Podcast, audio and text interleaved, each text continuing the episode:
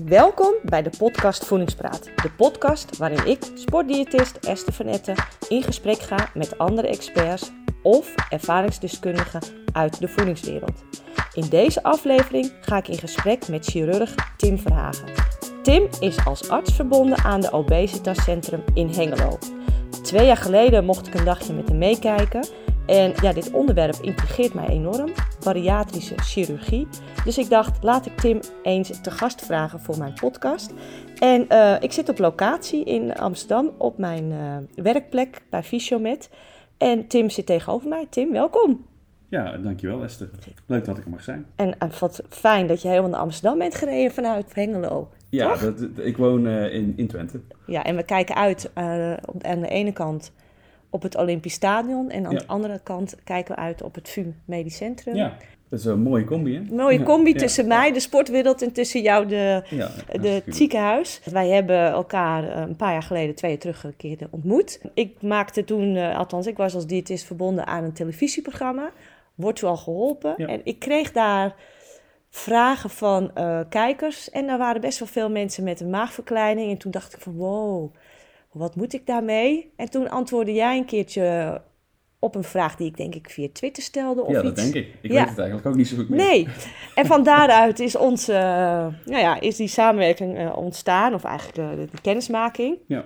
Toen nodigde je mij uh, uit om eens een keer een kijkje te nemen in jouw ziekenhuis. Dat klopt. Ja, want daar, ja. en daar opereer jij. Ja, regelmatig. Wij doen zo ongeveer, nou, zou zeggen, uh, 650 tot 700 van dit soort operaties per jaar. Dat is toch niet regelmatig, toch? Ja, ja goed, dat doe ik niet alleen, hè. ja, we zijn met vijf chirurgen die dat doen. Waar we het over hebben, voor de luisteraars... Ik struikel altijd erg over het woord, dus ik moet er altijd even op oefenen. Bariatrische chirurgie. Ja.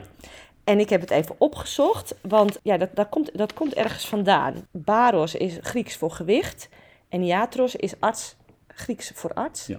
Ah, mee eens? Ik vind het helemaal goed. dus die bariatrische chirurgie. Want ja. wat, is, wat, wat houdt dat in, Tim? Want uh, dat doe jij voornamelijk. Ja, nou ja, ik doe nog wel een beetje meer dan dat, maar uh, het is wel het belangrijkste deel van wat ik doe, denk ik. En wat ik vooral doe, is mensen opereren die uh, te maken hebben met ernstig overgewicht. Ze op zo'n manier proberen te helpen dat ze enerzijds dat gewicht kwijtraken, maar vooral ook een stuk gezonder worden.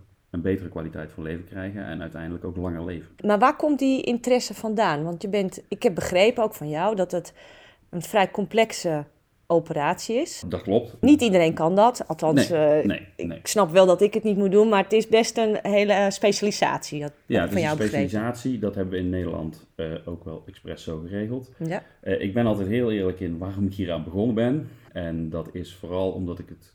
je moet dan de laatste twee jaar van je, van je opleiding tot chirurg moet je een richting kiezen. Ja. En dat was voor mij buikchirurgie. En ik ben dit gaan doen omdat ik werkte toen in een centrum wat het deed. En ik het een interessante, technisch interessante operatie vond om te leren. Ja. Um, en dan kom je veel meer in aanraking met de wereld die daaromheen speelt. Dat heeft me gegrepen, waardoor mijn hele eigen visie op overgewicht en obesitas ook enorm veranderd is. Ja. Um, nou, die is natuurlijk interessant. Daar gaan we het zo ook over hebben. Ja, ja? Dat, en ja, ik, toen moest ik, was ik klaar en toen, toen uh, moest ik een baan zoeken natuurlijk. En toen kwam ik het centrum van het ZGT in Hengelo tegen. Uh, en daar hadden ze toevallig een fellowplek op een heel ander onderwerp hoor. Maar daar kon ik dit ook doen. Nou, zo ben ik in Twente verzeild geraakt. En uh, ja, doe nog steeds met veel plezier. Maar de buikchirurgie met name heeft altijd wel mijn, is wel mijn grote liefde geweest. Ja. En deze overgewichtszorg, ja, daar ben ik min of meer een beetje ingerold. Het heeft je gegrepen? Ja, want ik zou ook niet meer niet willen doen, denk ik. Nee.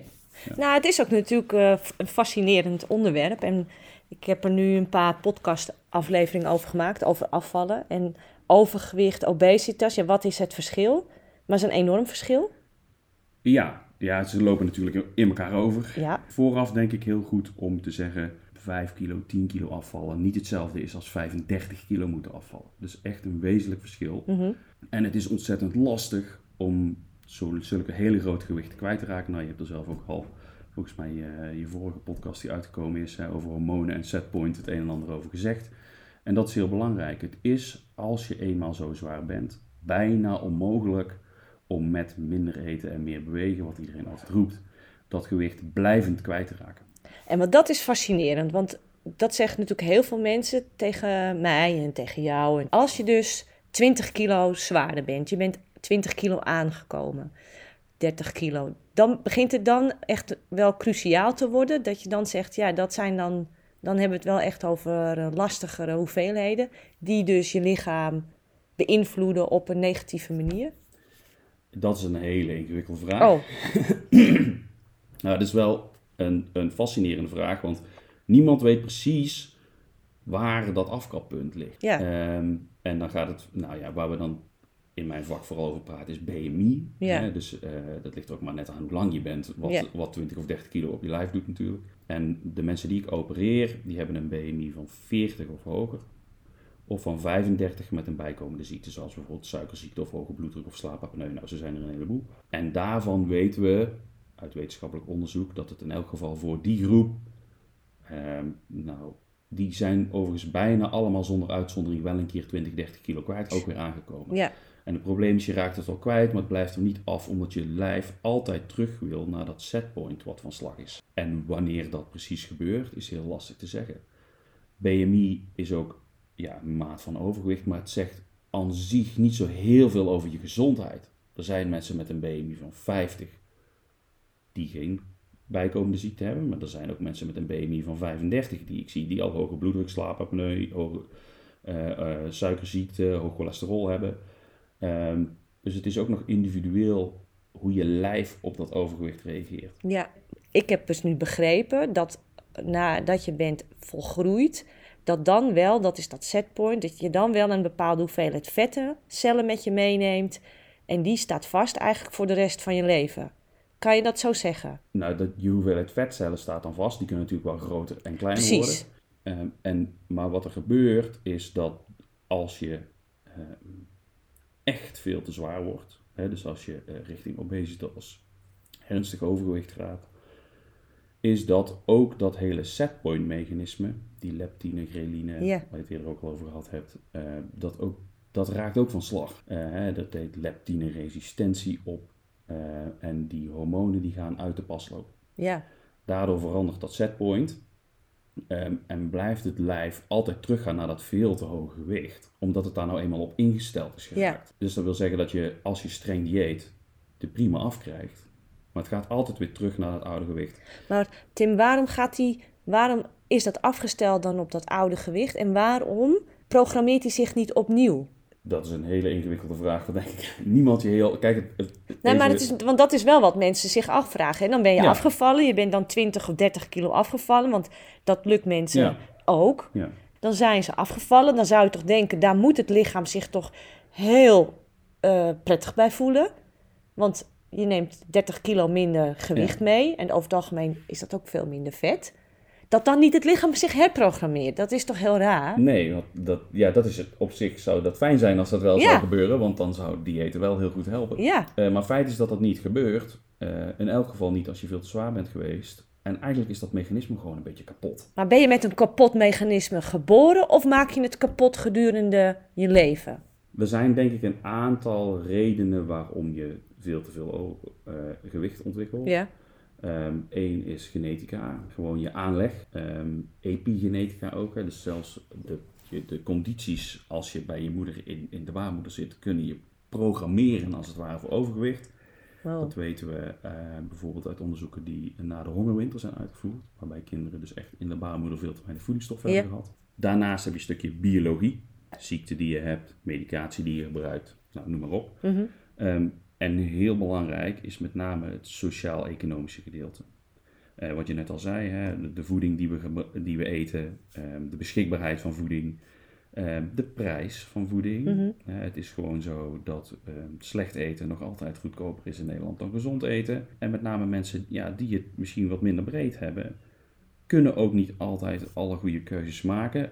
Financieel niet. En ook als je stress hebt, dan is het soms wel lastig om de mentale ruimte te hebben om, om dat soort dingen goed op een rij te Mhm. krijgen. Dus om je vraag te beantwoorden, word je ermee geboren? Gedeeltelijk misschien wel, in ieder geval met een aanleg daarvoor. Maar het is ook je omgeving die ervoor zorgt dat je uiteindelijk, eh, en wat je meemaakt in je leven, dat je gewicht toeneemt. En heel vaak wordt er gezegd van, nou, hè, eh, het is je eigen schuld dat je Mhm. zo zwaar bent. Maar als je heel kritisch kijkt, is het maar de vraag of dat zo is. Gedeeltelijk misschien, maar je controle op hoe je gewichtje ont- zich ontwikkelt, Ja, is is veel minder groot dan mensen vaak denken. Nee, dat snap ik. Want dat is, dat is waar we ook tegenaan lopen. Dus hoe meer ik er nu ook van leer, hoe onbegrijpelijk het is dat we er zo weinig eigenlijk tegen doen. Behalve dus wanneer het al te laat is. Ja, Dus we, zijn, we lopen elke keer een stapje erachteraan. In plaats van dat we van tevoren bedenken wat voor effect het zou kunnen hebben. Nou, de gezondheidszorg ontploft zowat met eh, alle zorg en hulp die nodig is en weinig personeel. Dan moeten we nu toch wel eens tot de conclusie komen dat we aan de voorkant iets er tegen doen. En ik snap wel dat jij je werk heel leuk vindt. Maar ja, ik denk dat je ook graag andere dingen zou willen doen. ehm, Hoe leuk het ook is misschien, hè? ik heb werk genoeg. Ja, Dus over mij hoef je geen zorgen te maken. Als er ooit een tijd komt dat ik deze operatie nooit meer hoef te doen, ja, dan is dat een mooie tijd. ja. Eh, en ik denk ook dat dat ons streven zou moeten zijn. Zijn. We gaan dit alleen maar winnen, eh, deze hele strijd tegen die obesitas-epidemie, eh, met preventie. Ja, Dat is waar we het moeten gaan winnen. Ehm, dan moet je sociaal-economische verschillen terugdringen, op een andere manier naar eten gaan kijken. Nou, dat is best een ingewikkelde vraag. Maar dit is wel een vraag voor de hele maatschappij, waar ook de mensen die geen last hebben van overgewicht aan bij zullen moeten dragen.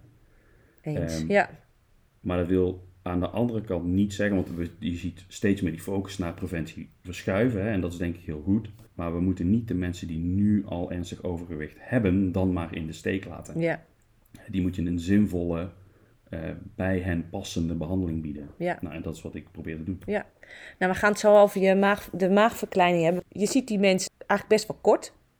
Ik zie mensen langer. Ik begeleid mensen langer dan jij, denk ik. Nou, Of minder. ja, jij ziet ze heel kort en intensief. En ik ehm, zie ze denk ik veel langer. En ik heb natuurlijk veel meer gesprekken met mensen.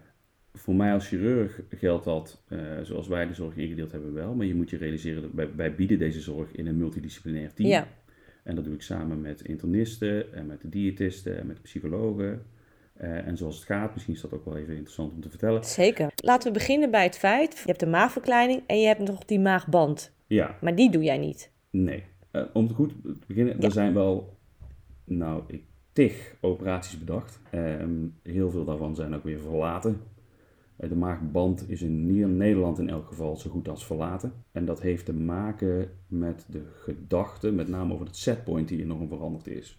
Ja, Ehm, wat je met een maagband doet, is je, je voegt eigenlijk alleen restrictie toe. Hè? Dus Ja. je, je, je, je maakt met een band een soort klein maagje, daar zit je snel vol ehm, en ga je minder eten. mhm. Maar dat doet niks aan dat setpoint. En je ziet dat die banden op termijn altijd problemen geven. Ze kantelen, ze gaan, er gaat iets vastzitten. Nou goed, uiteindelijk wordt het een probleem. Sommige mensen doen het er heel goed op hoor, maar de meeste mensen krijgen of problemen, dan moet die eruit. Ja. En dan is het gevolg dat mensen altijd aankomen. Dat is in Nederland eigenlijk wel een beetje losgelaten. Oké, dus als je het dan hebt over de, de operatie, dan hebben we het eigenlijk in Nederland alleen maar nog over die maagverkleiningen. Ja, en, en da- daar zijn er een heleboel soorten van. Ja, En grofweg in Nederland worden er, nou laat ik zeggen, drie maagverkleiningen uitgevoerd. Een sleeve, waarbij je alleen een stuk van de maag afhaalt. ja. Dat is letterlijk een maagverkleining. Dus dan, dan haal je echt een stuk maag weg. Een stukje van dat orgaan haal je eraf. Dus dan haal je een stuk van de maag uit het lijf en dan blijft er ongeveer een maag ter grootte van een banaan over. En hoe groot is een normale maag? Kan die groeien? Kan die groter zijn? Eh, nou, hij kan in ieder geval eh, wel een stuk oprekken. Dat zie je ook nog wel eens na zo'n operatie wel wat Ja. gebeuren. Eh, maar een maag heeft een enorm volumeinhoud. Eh daar kun je zo wel 2 liter in kwijt. Ja. Als je een beetje je best doet. Ja. En dat wordt daarna aanzienlijk minder. En worden die magen altijd net zo groot dan? Of net zo klein? Dus bij iedereen maak je, als je die maagverkleining doet, krijgt iedereen dezelfde grote maag. Of als iemand een veel grotere maag heeft, dat ja, ja. Kijk, ja, jij, jij doet dat. Ik heb geen Nee. idee, hè?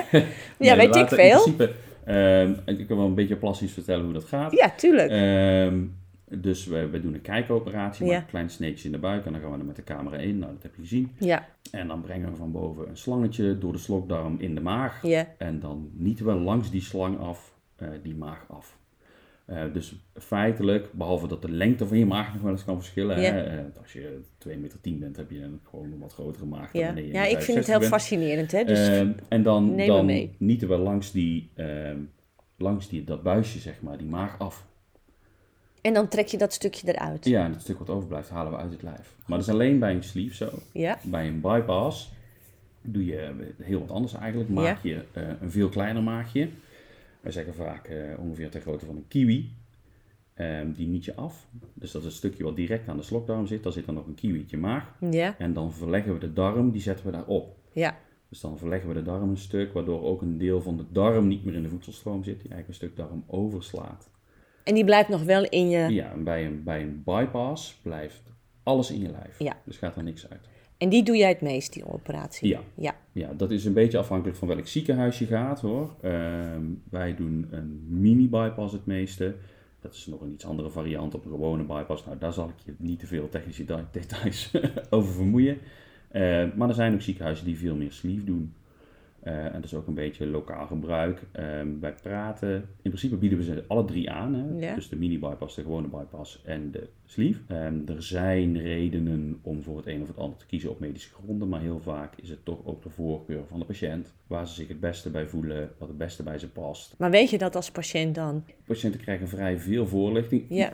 Mijn ervaring is dat niemand lichtzinnig aan dit traject begint. Nee. Ehm, iedereen heeft of kent iemand of heeft er heel veel over gelezen. Ehm, dan ga je een screening door. Hoe gaat dat? Nee, de huisarts verwijst je Oké. in principe. Ja. Ehm, dan wordt die verwijzing door ons gezien. Dan wordt er al gekeken of je aan bepaalde criteria voldoet. Mhm. En dan krijg je een uitnodiging zoals het bij ons gaat bij de internist. Die kijkt naar je en die kijkt vooral eerst eens even of er een medische reden is dat jij zo zwaar bent geworden. Mhm. eh, of dat er redenen zijn om niet zo'n operatie te doen. Zijn die er ook? Nou, dat, je kunt daar overwegingen doen. Bijvoorbeeld als mensen de ziekte van Crohn hebben, ehm, dan doen we liever geen bypass. Dat is een darmziekte. Ja. Eh, en eh, dan doen we veel liever een sleeve. Nou goed, dus er zijn wel wat overwegingen. En daarna, als die internist zegt van nou, je bent in principe voor mij geschikt kandidaat, ga je naar de diëtist. En die kijkt of jij voldoende kennis van gezonde voeding hebt. Dat is eigenlijk waar het over gaat. Niet of jij wel eens een keer 30 kilo kwijt bent geraakt. Je moet natuurlijk wel op een andere manier gepoogd hebben om van je overgewicht af te komen. Nou, dat is eigenlijk altijd zo. Het moet ook nog wel langdurig overgewicht zijn, dus niet een jaartje en dan maar beginnen. Maar of jij voldoende kennis van gezonde voeding hebt. Nou, als dat zo is, ga je naar de psycholoog. Die kijkt of er redenen zijn om je niet te opereren. Bijvoorbeeld een eetstoornis. En mensen die een onbehandelde eetstoornis hebben, krijgen eerst behandeling voor een eetstoornis. Ehm, en dan kunnen ze alsnog wel in aanmerking komen, maar dan moet dat eerst goed onder controle zijn. Of bijvoorbeeld middelenmisbruik. Nou, daar wordt allemaal naar gekeken. Dan zegt die psycholoog op een gegeven moment ook, ik ben het ermee eens. En dan word je in het team besproken. Met ons allemaal erbij. Mhm. En dan komt er een akkoord. Of niet. Als er geen akkoord komt, komt er meestal een voortraject. Bijvoorbeeld voor je eetstoornis, nou noem maar op. Of bij een eerste lijns diëtist. Eerst nog een half jaar aan je voedingspatroon werken. Want het is uiteindelijk ook gedrag natuurlijk. Natuurlijk. Hè? Ja. Dit, dit is, dat zeggen we ook heel vaak tegen patiënten. Dit is niet een soort magie wat ik doe. Hè? Wat ik doe is een operatie om dat setpoint te veranderen. Want dat is uiteindelijk wat er gebeurt. Waardoor je heel veel gewicht gaat kwijtraken. Ja. Maar je hele leefstijl daarin is net zo belangrijk. Met name ook om dat gewicht eraf te houden. Maar eigenlijk is het wat jij zegt een setpoint verandering. Wat je dus doet. Ja, dus Door middel van ja, zo'n omleiding. Ja, zo is het nooit, zo is het niet bedacht. Hè? Dus we- het leuke aan deze chirurgie vind ik dat Ja. het nog heel erg in beweging is. Ja. We leren er steeds meer over. Nou, dat zeg je zelf ook. Ja. Ehm, het is natuurlijk ooit bedacht, we maken een klein maagje, kun je minder eten, sla een stuk van de darm over en dan kun je minder opnemen en dan val je af. Zo is het bedacht. Even terug naar die darm een stukje overslaat. Ja. M- waarom moet dat? Nou, de gedachte Ja, erachter... misschien een hele nee, stomme helemaal vraag. geen Ik stomme vraag, want dat is een vraag Goed. die wij onszelf ook Jij stellen. zit hier nu tegenover mij, dus ik denk, ik vraag hem. Nee, je stelt een Ja. goede vraag zelfs. Ehm, want dat is een vraag die wij onszelf ook ook stellen. Ook stellen. Hoeveel darm moet je dan Ja. opslaan? Dat weten we helemaal niet zo goed. Want die dunne darm is heel belangrijk voor de opname van voedingsstoffen. Ja, dus we zijn Onder 40, andere. die, die, die gastric bypass, hè, die eerste bypass, is wel 40, 50 jaar oud. Toen hadden we helemaal geen idee van hormonen, setpoints en daar is helemaal niet zo over nagedacht toen. Dus gewoon gedacht door iemand, klein maatje, minder eten, darm overslaan, minder opnemen. En wat we nu leren is dat juist doordat je een deel van die maag en een deel van het eerste deel van de dunne darm, waar heel veel van die voedingshormonen eh, gemaakt worden, uit die, uit die eetkringloop haalt, dus zorgt dat er geen eten meer langskomt, dat je dus veel meer een hormonaal effect bereikt. Dus het, Maar dat is wel ingewikkeld, hè? Want dat zul je natuurlijk niet bedenken, dat in je darmen hormonen zitten die dus voeding reguleren. ja, en ook een heel groot effect dus hebben op je hongergevoel, verzadiging en daar uiteindelijk ook mee je gewicht.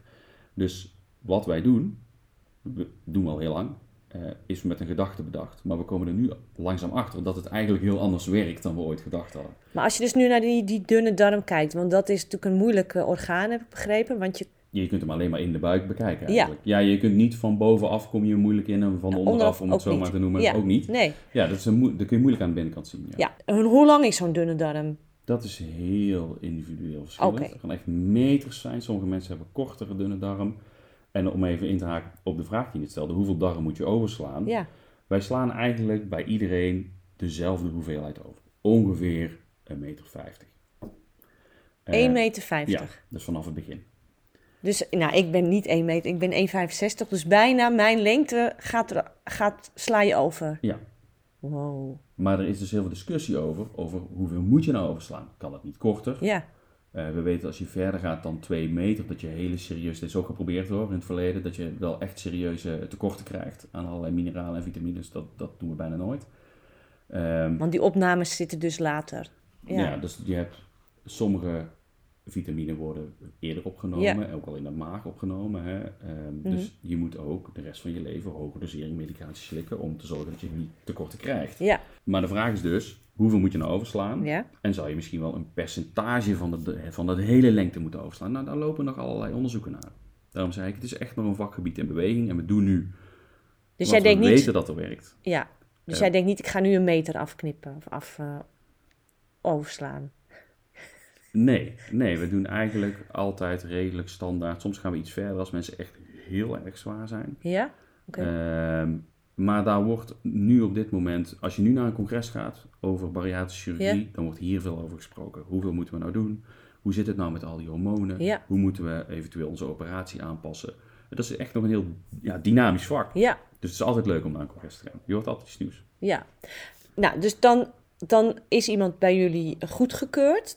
Eh, Dan is er een overleg met de patiënt ehm, tot een operatiekeuze gekomen. Ja. Hè, waarvoor iemand gaat.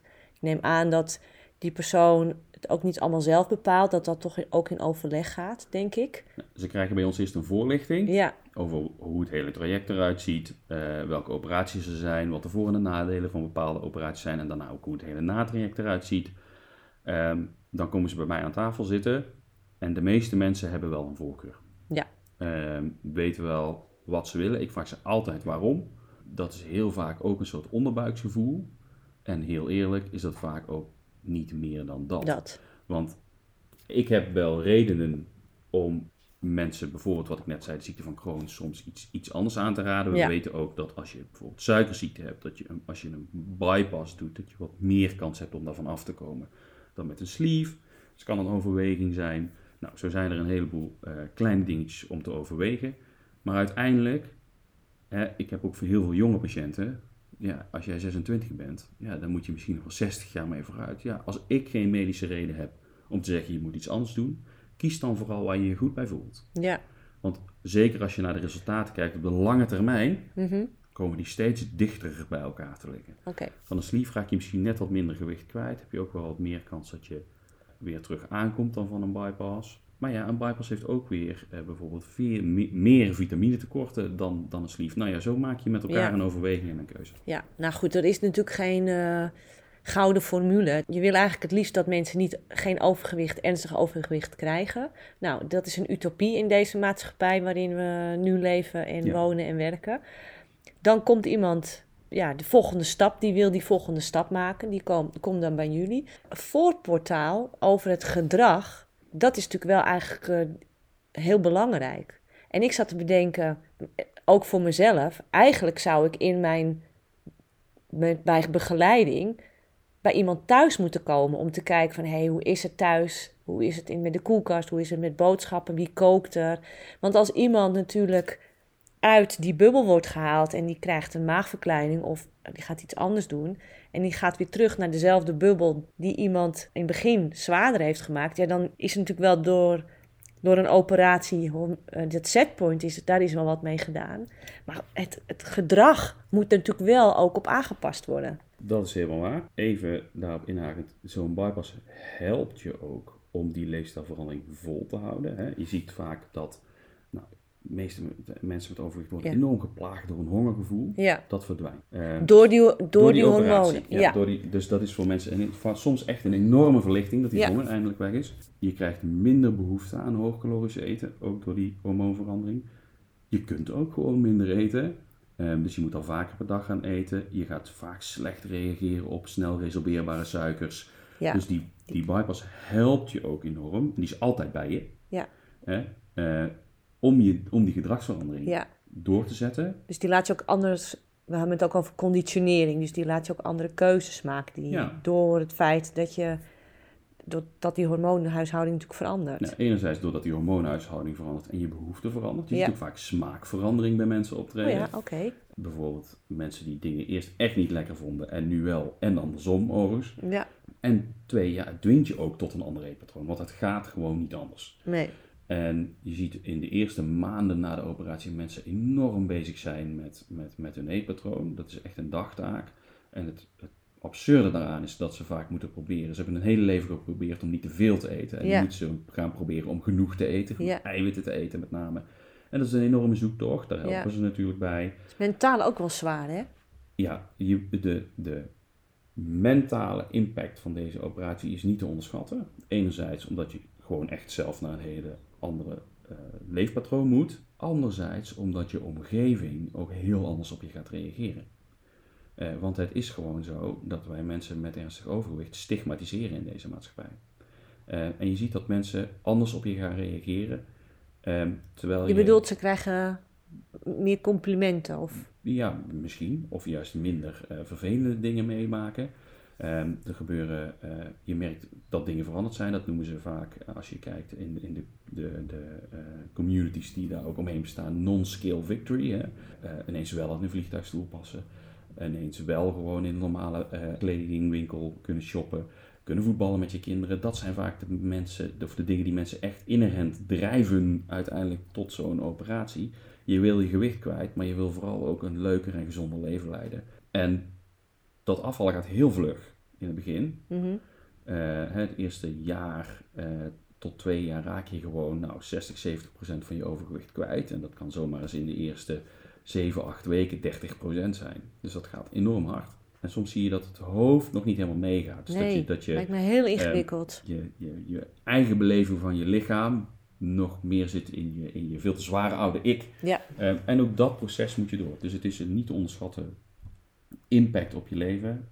Gelukkig bij de overgrote meerderheid van de mensen eh, ten positief. Eh, Ik ben heel blij dat je deze podcast maakt en mij gevraagd hebt, want dit verhaal vertel ik overal waar Ja. ik het vertellen kan. ja, Ehm, het overgewicht, en ook zeker ernstig overgewicht, is een complex probleem. En een complex probleem heeft nooit een simpele oplossing. nee, het is niet alleen maar discipline. Nee, sterker nog, met die discipline, als je zo ernstig overgewicht Ja, hebt, kom, kom je er vaak niet. niet. Nee. En die mensen, eh, en dat is het ongelooflijk vervelende eraan, dat zit zo in onze volksmentaliteit Ja. ingebakken, dat het een disciplineprobleem is, Ja. dat mensen dat zelf ook geloven. Dus heel vaak zitten ze tegenover mij met een gevoel van persoonlijk falen. En dan vertel ik ze wat de kans is dat je dit nog redt. Ehm, en die is zo ontzettend klein. Ja, dat gevoel van persoonlijk falen is helemaal niet zo terecht. En dat is, ja, dat, dat is eigenlijk wat je het internaliseren van je stigma noemt. Dus mensen gaan in hun eigen falen geloven. Ja. Terwijl dat eigenlijk, en dat heeft een enorme weerslag op je welzijn. Ja, dat is een mooi woord. Nu moet het nog even herhalen. Wat zei ik net? Internaliseren van het stigma. Ja. Internaliseren van het stigma. Ja, dus je gaat in je eigen Wow. stigma geloven. Ja. Toen ik bij jou was, zei je ook over die leververvetting. Want eh, ik wist niet dat je binnen twee weken al betere waardes kan, kan krijgen. Voordat mensen bij jou Ja. geopereerd worden, dan moeten ze twee weken lang poeders eh, gebruiken. Ja, dus ze gebruiken bij, wat, wat ze doen is bij ons een, een crashdieet. Ja.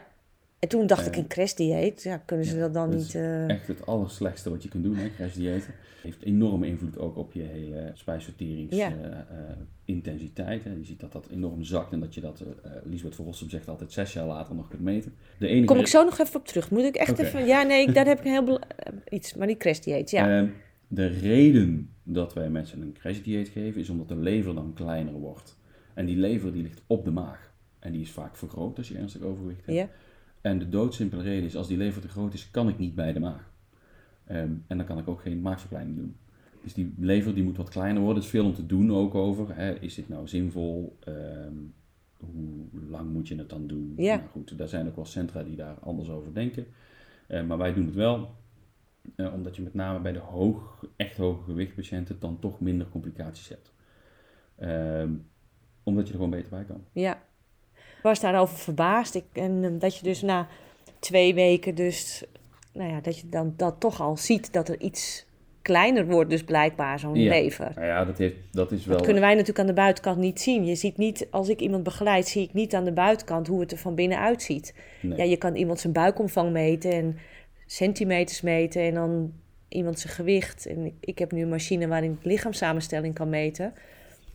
Wat natuurlijk, eh, wat je, waar je een mooie trend kan zien, maar je ziet niet zoals wat jij ziet met eh, alles. Nee, maar nogmaals, die- Jammer dat, genoeg. dat crashdiëten heeft echt alleen een technische reden. En is ongeveer de slechtst denkbare manier om gewicht kwijt te raken. Ja, Ehm, dus En waarom? is het dan nog niet verboden in Nederland? Want je Ja. hebt een aantal commerciële, commerciële bedrijven die dus die poeders verkopen. Die daar dus heel veel ambassadeurs voor hebben. Die, nou, ge- gewichtsconsulenten die poeders verkopen. Ik ga ervan uit, ik hoop niet dat er ook nog diëtisten zijn die dat eh, doen. Maar dat je dus door middel van het begeleiden met die kuren krijg je ook nog wat extra inkomsten. Dan gaan mensen dus zo'n poeder doen. Maar waarom is dat nog niet verboden als jullie deskundigen ook weten... het is zo ontzettend slecht? Ja, eh, Mensen hebben daar tien jaar later nog steeds last van. er wordt natuurlijk niet alleen voor overgewicht, gewoon heel veel flauwekul aangeboden. Voor Nou, kom maar even op. andere problemen. Nee, maar zij dus, jullie zijn er echt van overtuigd dat als iemand dus zo'n crashdieet doet... dus aan die, die poeders en eh, je valt heel goed af... Ja, kijk, maar je komt ook heel snel weer aan en het gaat, nooit, het gaat er daarna nooit meer af. Als jij over twee weken in je bruidsjurk wil passen, dan kun je het nog overwegen, denk ik. Maar als jij e- op enige manier of andere manier probeert zinvol gewicht kwijt te raken, eh, op de lange termijn, zou ik, dan zou dat niet mijn advies zijn om dat te doen. Maar waarom is dat nog niet verboden? Ja. Ja, ik zou best willen dat het verboden werd. Ik zou ook wel willen dat roken verboden werd.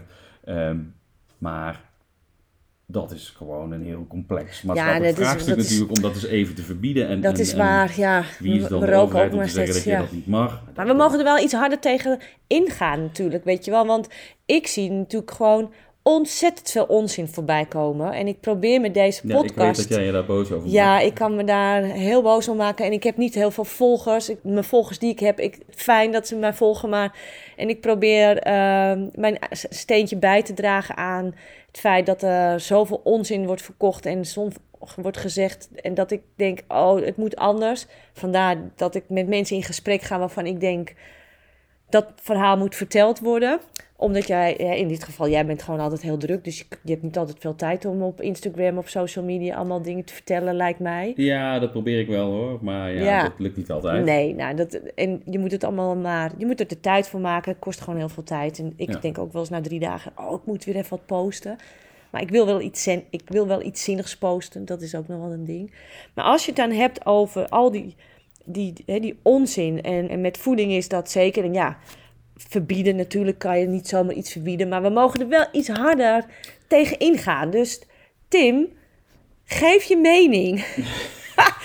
Want jij ook wel, weet je, jij hebt er elke dag te maken met mensen die in principe eigenlijk gewoon ziek zijn. Ja, nou, wat je hier zegt is heel terecht, denk ik. Obesitas is echt een ziekte Ja, en geen karakterprobleem.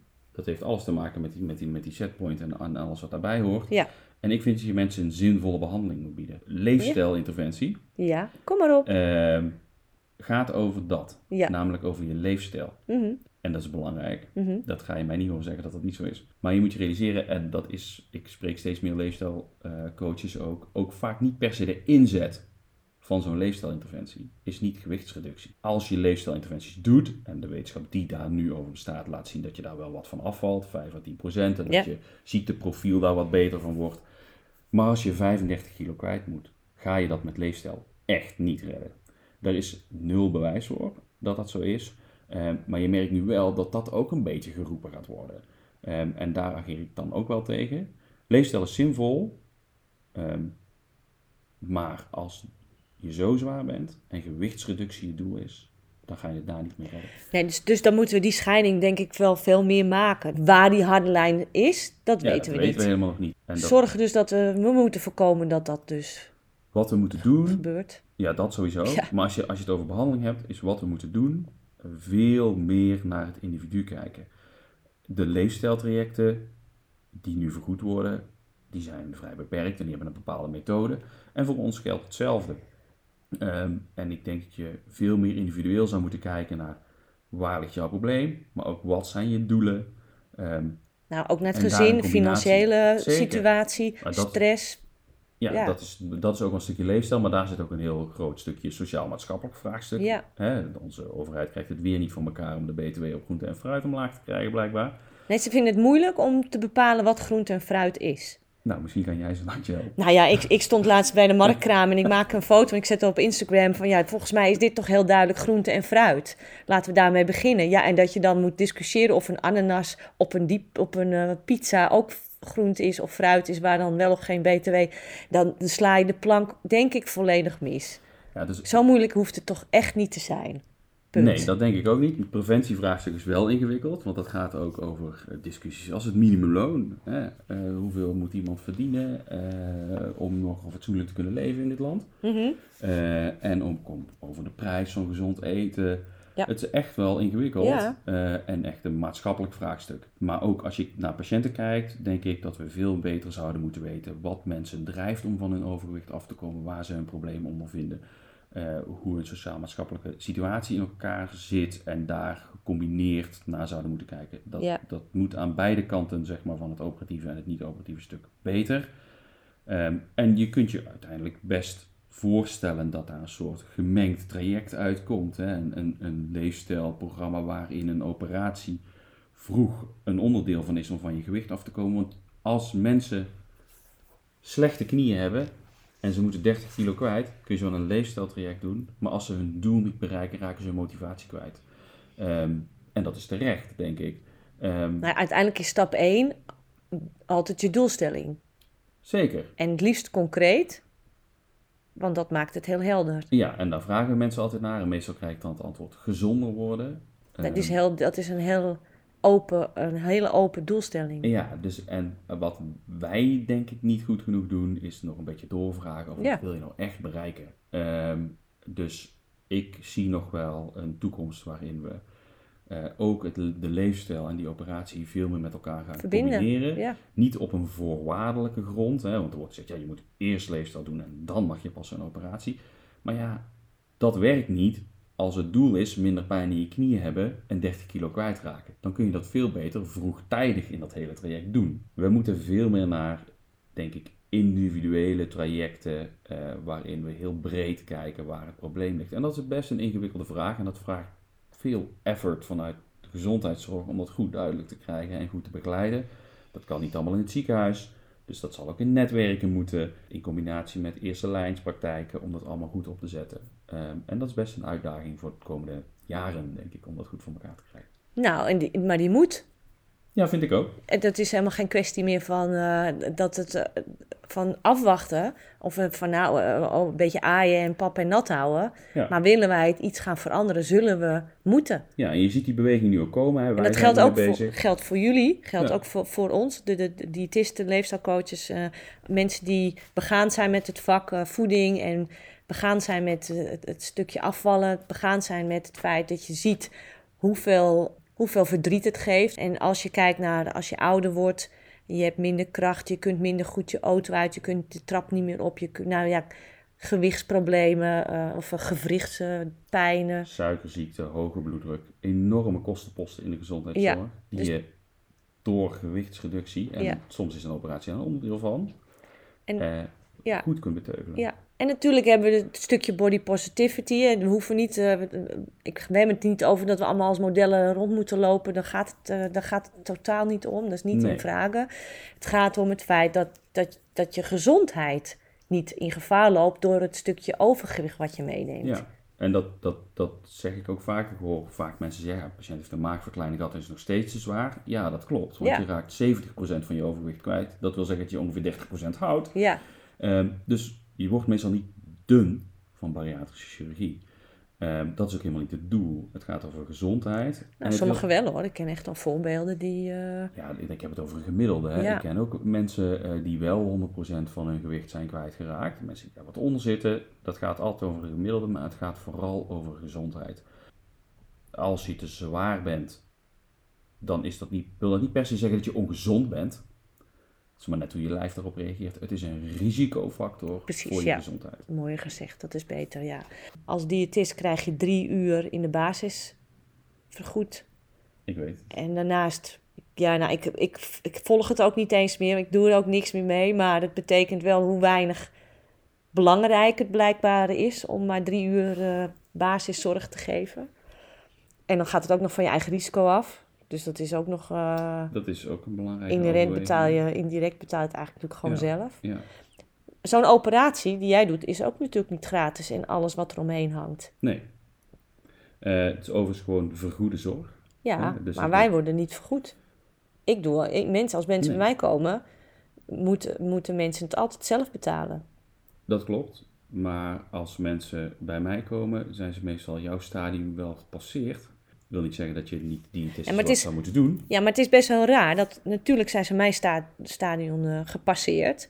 Maar je zou eigenlijk willen dat ze dat stadion niet passeren. Nee, dat En- zou ik ook wel willen. En in die voorstadium, dan krijg je dus heel weinig eh, begeleiding die vergoed wordt voor mensen die dat nodig hebben. Om ervoor te zorgen dat ze niet dat stadium passeren waardoor ze jou nodig hebben. nee, en, Wat veel duurder is.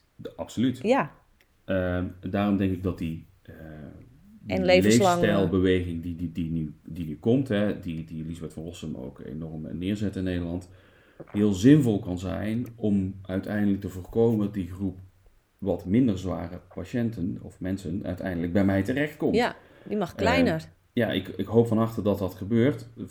Het nadeel daarvan is dat dat het, het wordt nu een beetje neergezet als de oplossing. Zonder dat we wetenschappelijk heel goed weten wat dat nou op de lange termijn gaat doen. Dus daar ben daar zelf wat voorzichtiger in. Ik vind het wel een hele zinvolle gedachtegang. En ik vind nogmaals dat we ook ehm, in onze hele maatschappij, in het sociaal-economische deel, veel meer zouden moeten doen. Mhm. Ehm, om te voorkomen dat het ontstaat. En daar zie ik toch weinig beweging. Ik zou liever hebben dat ons over, nou ja, we hebben het net al over die groente en fruit gehad. Er zijn allerlei mooie plannen. Eh, maar ja, dat Nee, dat komt dan toch weer moeilijk van de grond. Ehm, ja, ik, dat is, ik vind ja. het, dat is wel echt een doorn in mijn oog. Dat ik denk, man, man, man, weet je wel. eh, hoe, hoeveel mensen moeten er nog eh, ziek worden? ja, en dan gaat het ook gewoon uiteindelijk om nog- geld. Ja, Hoeveel verdien jij? Eh, we hebben in de coronacrisis allerlei kritische beroepen gedefinieerd die Ja. ineens heel erg nodig bleken. Ja. Maar het minimumloon verdienen. ja, in Nederland nog steeds. Er zijn best wel goede berekeningen gemaakt over wat jij kunt met je minimumloon door Ja. de overheid. Ja. En dan kan je zeggen dat is echt beperkt. ja. Nou, en wat je ook ziet is het stukje mentale, de mentale weerbaarheid. En ik zei het ook al een keer laatst in mijn podcast. Ik begeleid ook iemand die uit een oorlogsgebied eh, is gevlucht. Dan heb je natuurlijk heel veel trauma's. Ja. Dat is natuurlijk, zeg ik erbij, maar ja, er zit natuurlijk heel veel traumaverwerking. Eten is daarin, eh, speelt een rol. Ehm, ja, veel te zwaar. Echt veel te zwaar. Dus die krijgt alle, ook allemaal gezondheidsklachten. Ja. Nou, ga daar maar eens, weet je, ga daar maar eens weer een beetje orde op zaken stellen. Ja, dat is ook maar de vraag of jou dat als individu lukt. Nee, dat lukt mij natuurlijk niet. Lukt, dan heb je al bijna een multidisciplinair team Ja, nodig om dat te Maar doen. ga dat maar eens vinden. Want die valt van het ene in het andere en van het andere in het ene. Niemand werkt met elkaar samen. En nou, daar heb ik me wel over zorgen gemaakt. Ik denk, ja, wat is mijn...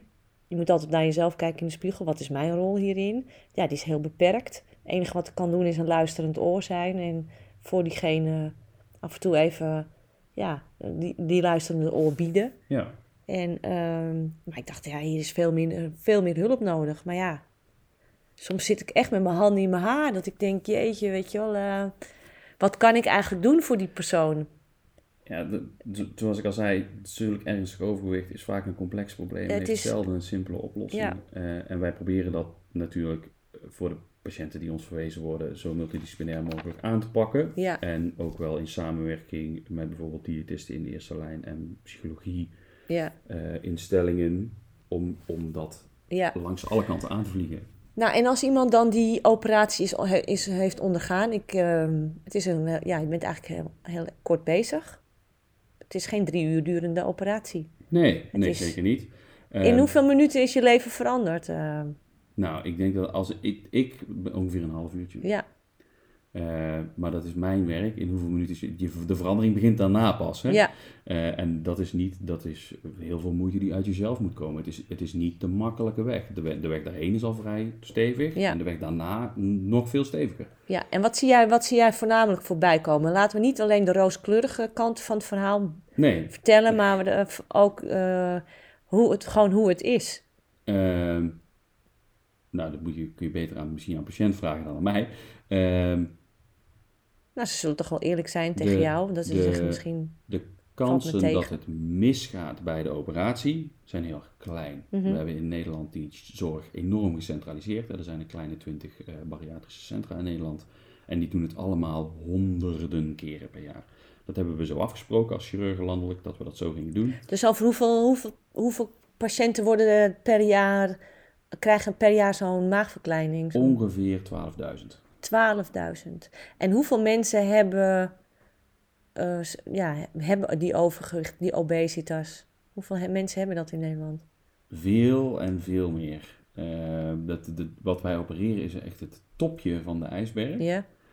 Ehm, Want we zeggen altijd maar de helft van Nederland is, heeft overgewicht. ja, en dan zit je nou, ik geloof iets van op 17% of zo, wat, Ja. wat ernstig overgewicht Ja. is. Ehm, dus dat is overigens al jaren stabiel, die 12.000. Ehm, maar wij, ik vind dat ik zinvolle zorg bied. Eh, en dat zegt de wetenschap ook. Dus ja, ik vind het heel belangrijk dat deze zorg wel toegankelijk is voor iedereen in Nederland. Ehm, en daar is bij is ook belangrijk dat we ook bij zorgverleners een stukje stigma over overgewicht weghalen. Want ook in de gezondheidszorg is heel veel overgewichtstigma. Ehm, en dit soort podcasts en, en dit verhaal heel vaak vertellen helpt daarbij. Mm, Ja, en ik probeer dat, wij leiden ook chirurgen op, onze opleidingsassistenten ook mee te geven. Ehm, vaak worden ze horendol van als ik er voor de 87ste keer over begin. Ehm, maar ik probeer dat wel toch steeds weer neer te zetten in de hoop dat ook daar wat verandert. ja, Om even terug te komen op je vraag, wat, wat gaat het, hoe beleven mensen het nou? Hè? Dus de kans dat je problemen krijgt van je operatie, die is niet nul hoor, hè? maar die is relatief klein. Mhm.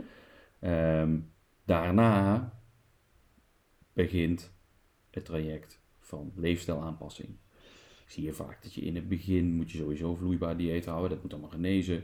Ehm, en dan moet je gaan kijken wat je wel kunt verdragen, niet kunnen verdragen. En in het begin gaat dat, gaat het ook wel mis. Hè? Dan je een vastloper, spuug je het een keer uit. een Kijk, vastlopen. Ja, dus, Oh. dus dan, blijft het, dan blijft het eten hangen. Ja? Krijg je soms enorm slijm in je mond, soms spuug je het uit.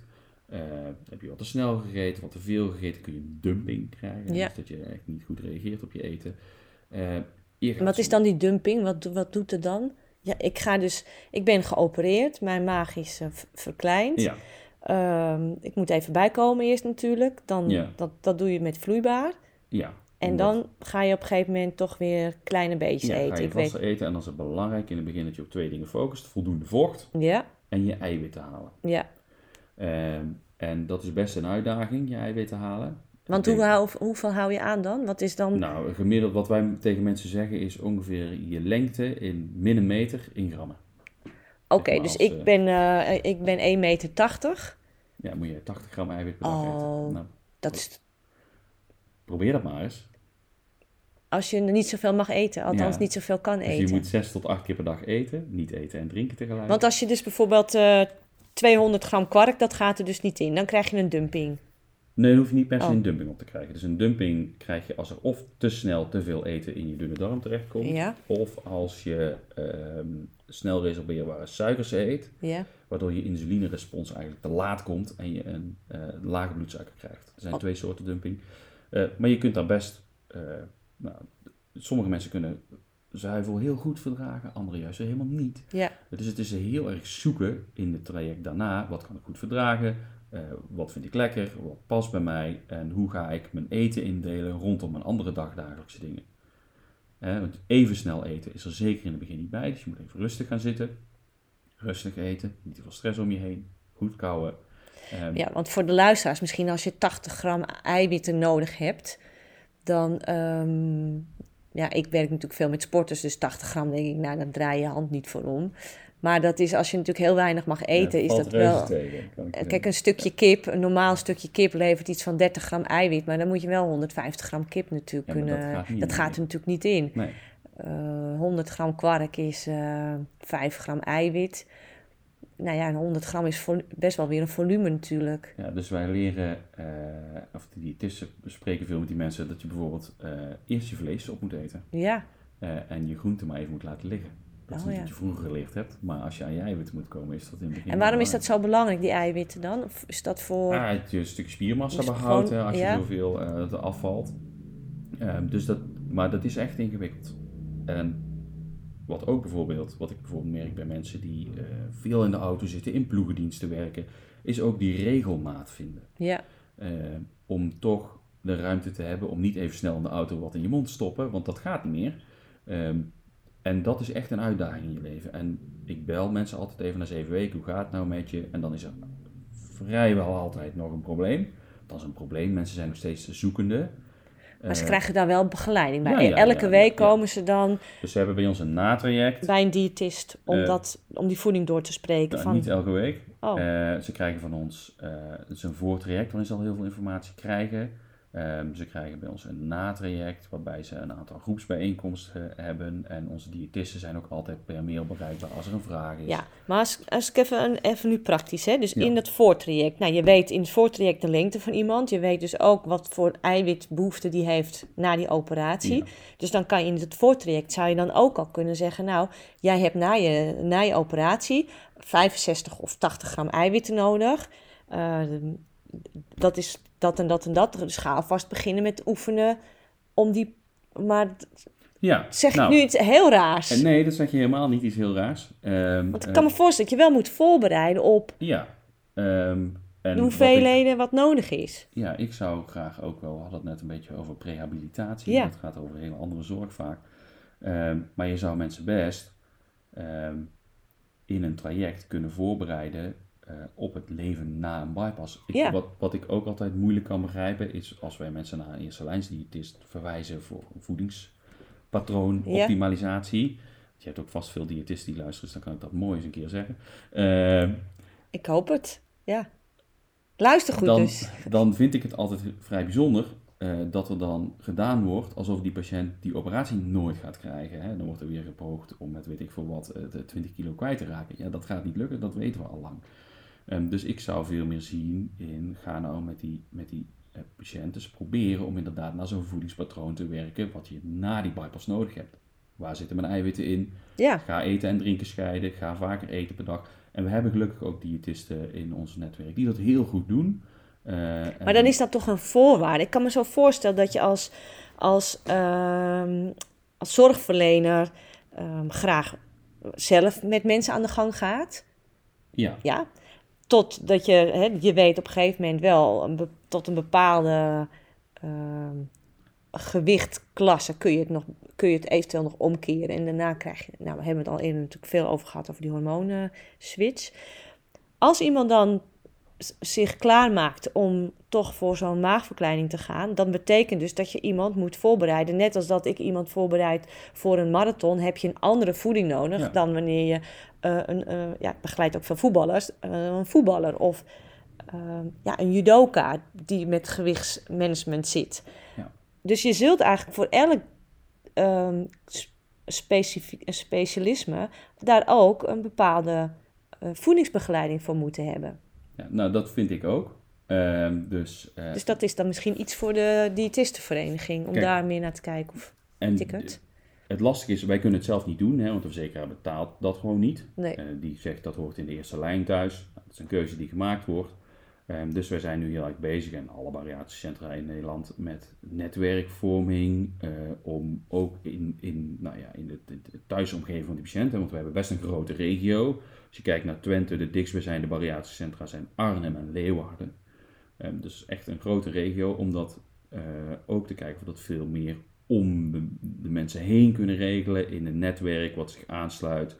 Um, en dat is nu een beweging die heel gaande is. De uh, Nederlandse Diëtistenvereniging heeft ook een bariatrische uh, diëtistenvereniging. Oké. Ehm, dus dat bestaat allemaal wel. En ehm, dat krijgt steeds meer aandacht en dat is echt groeiende in Nederland. En ik denk dat dat ook wel de ontwikkeling is, die, de kant is die we op moeten.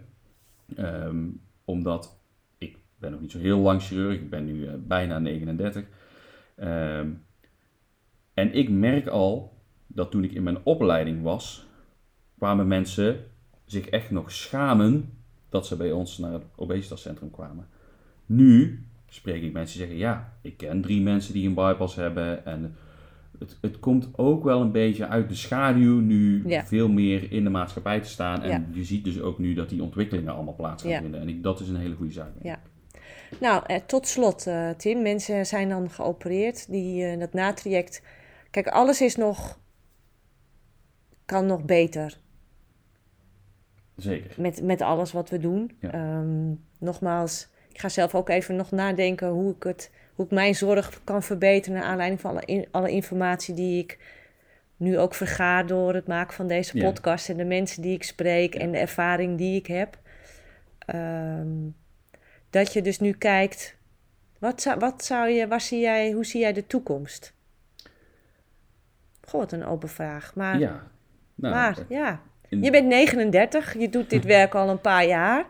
Uh, je opereert. Uh, je ziet natuurlijk de, de, de, leed, maar je ziet ook als deze operatie is geslaagd dat er uh, nog heel hard werken is voor mensen. Dat de rest van je leven hou je daar natuurlijk toch je je aandacht voor. Maar dat geldt op alle vlakken. kijk, ik merk wel dat het bij mensen na een maand of drie wordt het een beetje tweede natuur. Hè? Ja. Het veel, is, is het niet meer, niet meer zo met je hoofd ermee bezig en heb je eigenlijk die, dat andere ritme wel gevonden. Ja. Ik ken mensen heel dicht bij mij die ook een bypass hebben. Uh, dus ik maak het proces ook uh, van dichtbij mee. Uh, en uh, Oh, bijzonder dan. Ja, ja, ja, dat is ook wel zo. Heb je die ook zelf geopereerd? Nee. Oké. Nee. nee, dat was een heel slecht plan geweest. Goed. Heeft een van mijn collega's gedaan. Ja. Uh, en als je me nou vraagt, hoe zie je de toekomst? Uh, dan zie ik een toekomst, want het is, zoals ik zei, het is een vakgebied enorm in beweging. We zien nu de leefstijl, we zien nu de medicatie, we zien nu de operatie. Ik denk dat wij elkaar veel meer moeten vinden als zorgverleners. Ehm, ik moet niet op mijn bariatrisch chirurgisch eilandje blijven zitten en uh, jij niet op je diëtistische eilandje. Zeker niet, nee. Ehm, het is ook veel leuker om met elkaar samen te werken. Zeker. En, en we zouden veel meer in een netwerk moeten kijken. Wat is nou voor die patiënt die ergens bij ons binnenkomt, mhm. wherever, ehm, met de doelen die hij heeft, de wensen die hij heeft, de beste manier om dat te bereiken. En daarin zouden we elkaar in een stukje leefstijl, in een stukje dieetbegeleiding, uh, met een operatie daaromheen om je gewicht kwijt te raken uh, en van je, je, je ziekte af te komen, veel meer een mooi traject per patiënt moeten kunnen bouwen om dat voor elkaar te krijgen. Ja. Dat is de behandeling. Maar zoals ik al zei, we gaan het alleen maar winnen op preventie. Um, en daar moeten we echt stappen zetten. En dat betekent ook dat we als maatschappij fundamentele veranderingen zullen moeten doorvoeren. Dus een oproep aan de overheid.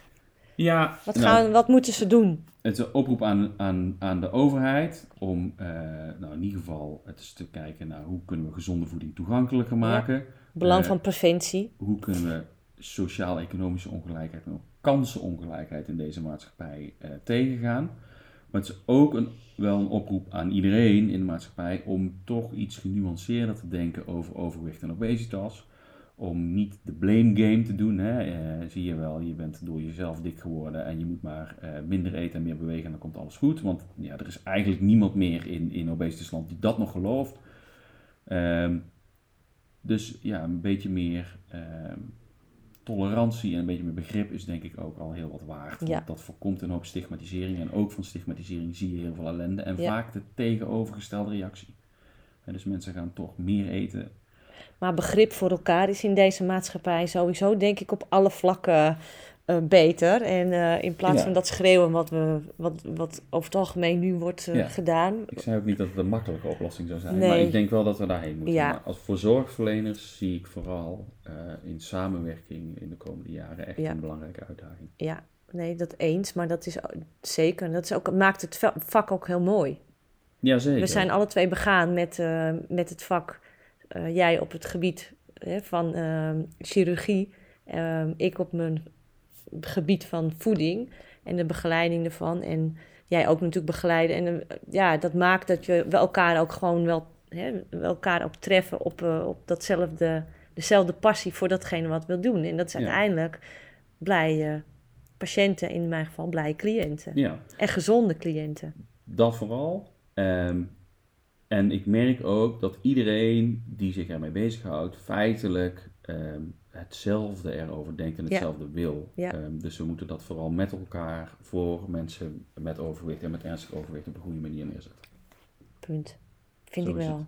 Tim, ook onwijs bedankt voor jouw kennis en kunde. Ja, hartstikke En eh, het is ook wel leuk om een keer op een andere manier in gesprek te gaan dan alleen maar met eh, diëtisten of andere voedingswetenschappers, maar iemand eh, vanuit een andere discipline. Ja. Merk ik wel. Je gebruikt weer andere termen en je kijkt weer anders naar het, eh, naar het, het vraagstuk dan hoe ik er altijd in sta. En dat maakt het ook leuk. Dank je wel voor de komst hier naar Amsterdam. Nou, ik kom graag nog eens terug. Ja, Dus, eh, ja. En nou, als hartstikke je, als de luisteraar, als jij een vragen hebt naar aanleiding van deze podcast, mag je een mail sturen naar info.estervanetten.nl. Tim, waar ben jij op te bereiken? Mochten mensen een vraag hebben voor jou. Nou, dat is een lastige vraag. Ehm, je kunt sowieso... eh, Twitter ben je wel actief, toch? Twitter ehm, kun je me sowieso vinden, op Instagram ook wel. Eh, als er vragen zijn over zorg, nou ja, je kunt natuurlijk altijd primair eh, eh, bij je huisarts terecht om, om daarover te praten. Ehm, vaak zie je dat, ik zal ook niet iedereen zeggen dat ze nu naar Twente moeten komen, vaak zie je dat het obesitascentrum bij jou in de buurt voorlichtingsavonden organiseert ook. En als je daar interesse in hebt en je wilt gewoon eens een keer horen, dan zou mijn advies zijn, ga daar nou eens een keer heen en ga luisteren hoe het zit. Als je deze podcast een warm hart toedraagt, druk dan even op dat duimpje met volgen en volg onze podcast Voedingspraat. Daar zou je mij een heel groot plezier mee doen. Dank voor het luisteren en graag tot een volgende keer.